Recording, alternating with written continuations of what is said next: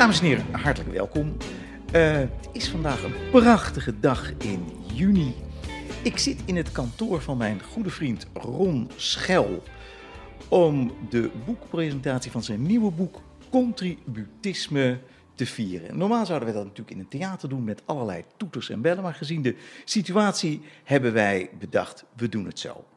Ron, het is mijn eer en genoegen om met jou een kort gesprek te kunnen voeren terwijl we op de achtergrond de vogeltjes horen. Het eerste wat ik van jou graag zou willen weten, kun je iets over jouzelf vertellen? Ja, ik ben uh, in, de eerste plaats uh, eh, 66 jaar. Ik ben een beetje aan het einde van mijn beroepsloopbaan. En daar komen we waarschijnlijk zo meteen wel over te praten. Want ik ben eigenlijk mijn hele leven bezig geweest met een soort persoonlijke zoektocht, speurtocht naar wat beweegt mensen. En wat beweegt mensen in organisaties en. en, en Um, wat, wat, maakt nou een samenwerking in een organisatie heel gezond? En dat, dat zijn dingen waar ik altijd mee bezig ben geweest. En ik vind het ook heel erg leuk dat aan het einde van, uh, van die periode um, ik eigenlijk onder andere door jou ben overgehaald van ga dat nou ook eens een keertje opschrijven. En um, nou, dat, dat heb ik dan ook gedaan. Dan uh, keer ik even terug uh, van het werkzame leven en alles wat je net noemde naar het boek zelf, het contributisme. Ja. Nou, het boek heet Contributisme um, centrale term. Zou je even in je eigen woorden kunnen zeggen, wat betekent dat contributisme voor jou? En waarom heb je het boek Contributisme genoemd? Ja, het is eigenlijk begonnen op, uh, op hele jonge leeftijd, toen ik net begon te werken. Toen uh, had ik het geluk, of misschien wel het grootste cadeautje in mijn leven, dat ik uh, leiding mocht geven aan een organisatie met ongeveer een mannetje of 80, 85. Maar ik was op één na de jongste. En wat ik heel goed begreep op dat moment, dat was dat je dan niet de baas kan spelen. Maar als je dan toch uh, leiding wil geven aan zo'n groep, en dat, dat mocht en, en, wilde ik ook op dat moment, daar ontstond eigenlijk een soort basisvraag die heel diep in mij zat. En dat is, wat beweegt mensen? Want als ik snap wat mensen beweegt, dan kan ik ze ook in beweging krijgen. Dan ja. kan ik ook uh, in. En die, die vraagstelling, gewoon op die manier kijken naar wat beweegt mensen, daar is het eigenlijk allemaal mee begonnen. Uh, gaandeweg uh, kom je dan tot de ontdekking dat uh, mensen van betekenis willen zijn. Dat is iets wat vandaag de dag nog veel meer speelt dan 40 jaar geleden. Maar de enorme behoefte en de wens om van betekenis te zijn in je leven, dat is iets wat enorm aan het toenemen is bij mensen. En naast het feit dat ik in mijn werk heel erg betrokken was bij, bij organisaties en de veranderingen en de bewegingen binnen organisaties, um, las ik ook heel erg veel en bestudeerde ik heel erg veel, ja, noem het maar toch, esoterische kennis.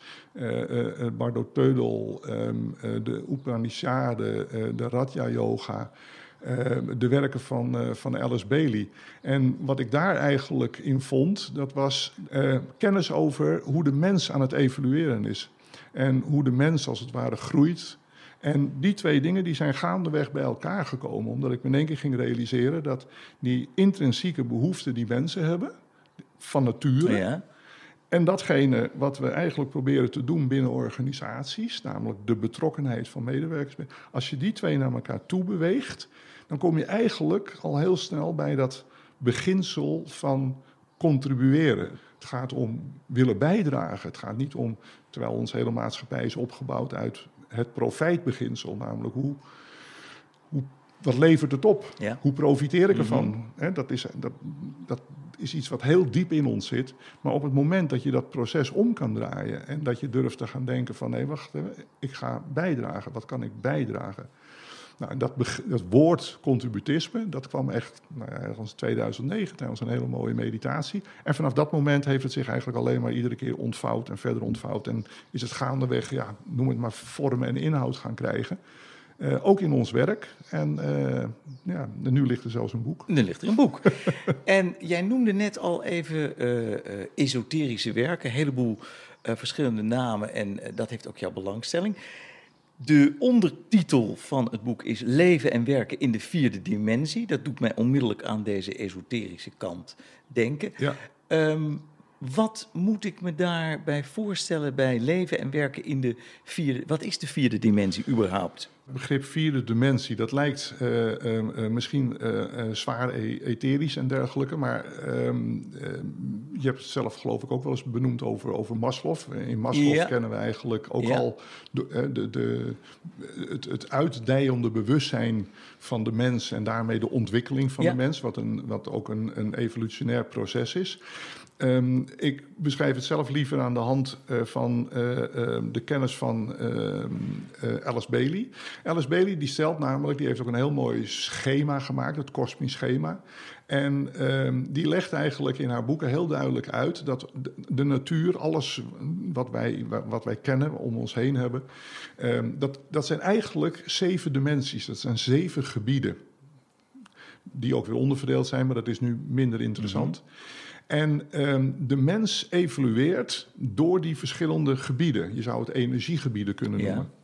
Ja. Um, alleen in die constant glijdende um, uh, ontwikkeling van de mens, van het bewustzijn van de mens, want daar gaat het om. Uh, wij krijgen uh, met onze hersenen, wordt, wij worden ons van steeds meer zaken bewust. Het gaat dus om de ontwikkeling van ons bewustzijn. En naarmate wij ons van meer dingen bewust zijn, krijgen we ook meer toegang tot die verschillende gebieden. Ja. En nou zou je dat eerste dimensie, kan je het fysiek-etherische gebied noemen. Dat is eigenlijk het gebied waarin wij als, nou, noem het hole mens, uh, ja. rondlopen en ja. uh, voor onszelf zorgen en instinctmatig werken. Daarna zijn we uh, gaandeweg uh, verder gekomen en hebben we wat we het emotionele lichaam of het emotionele gebied zijn we gaan ontwikkelen. Ja. Van uh, wij zijn dingen gaan, gaan ervaren als gelukkig zijn en of, of het gezellig hebben. Ja. Dat zijn natuurlijk hele Ja. aparte emoties, maar ze zijn natuurlijk veel meer emoties. Maar het geeft een klein beetje aan van, oh ja, dat is een next level van ons bewustzijn waarin wij leven.